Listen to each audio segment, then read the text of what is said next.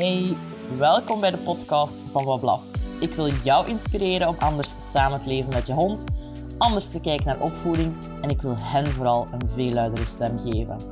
Vind je de content leuk? Vergeet zeker niet te delen en laat je reacties na op social media, at. Ik wil alles horen.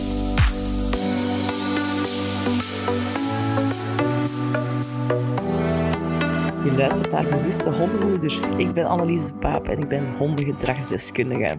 Ik begeleid mensen in de opvoeding van een hond en ja, ik begeleid ze ook bij alle uitdagingen die daarmee gepaard gaan.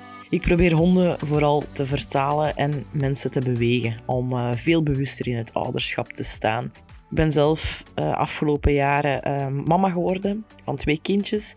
Dat heeft ook heel veel bewogen in hoe ik naar opvoeding kijk in het algemeen. Maar dat heeft mij nog meer doen beseffen hoe belangrijk het is om in die uh, beginfase, die beginlevensfase aan een hond, om daar toch veel bewuster uh, bezig te zijn met alle emoties die zij ervaren en heel dat ontwikkelingsproces dat zij doormaken. Om dat een beetje te kaderen, ga ik in gesprek gaan met andere hondenprofessionals over verschillende thema's. Ik ga ook praten met andere hondenouders die hun ervaringen willen delen.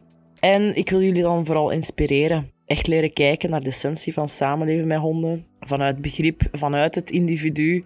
En vooral met heel veel respect voor wat ze aan waarde toevoegen. Ik vind het heel fijn dat je luistert. Let's go! Bedankt om te luisteren. Nu nog iets meer naar onze honden en dan zijn we op weg naar een betere wereld. Salut!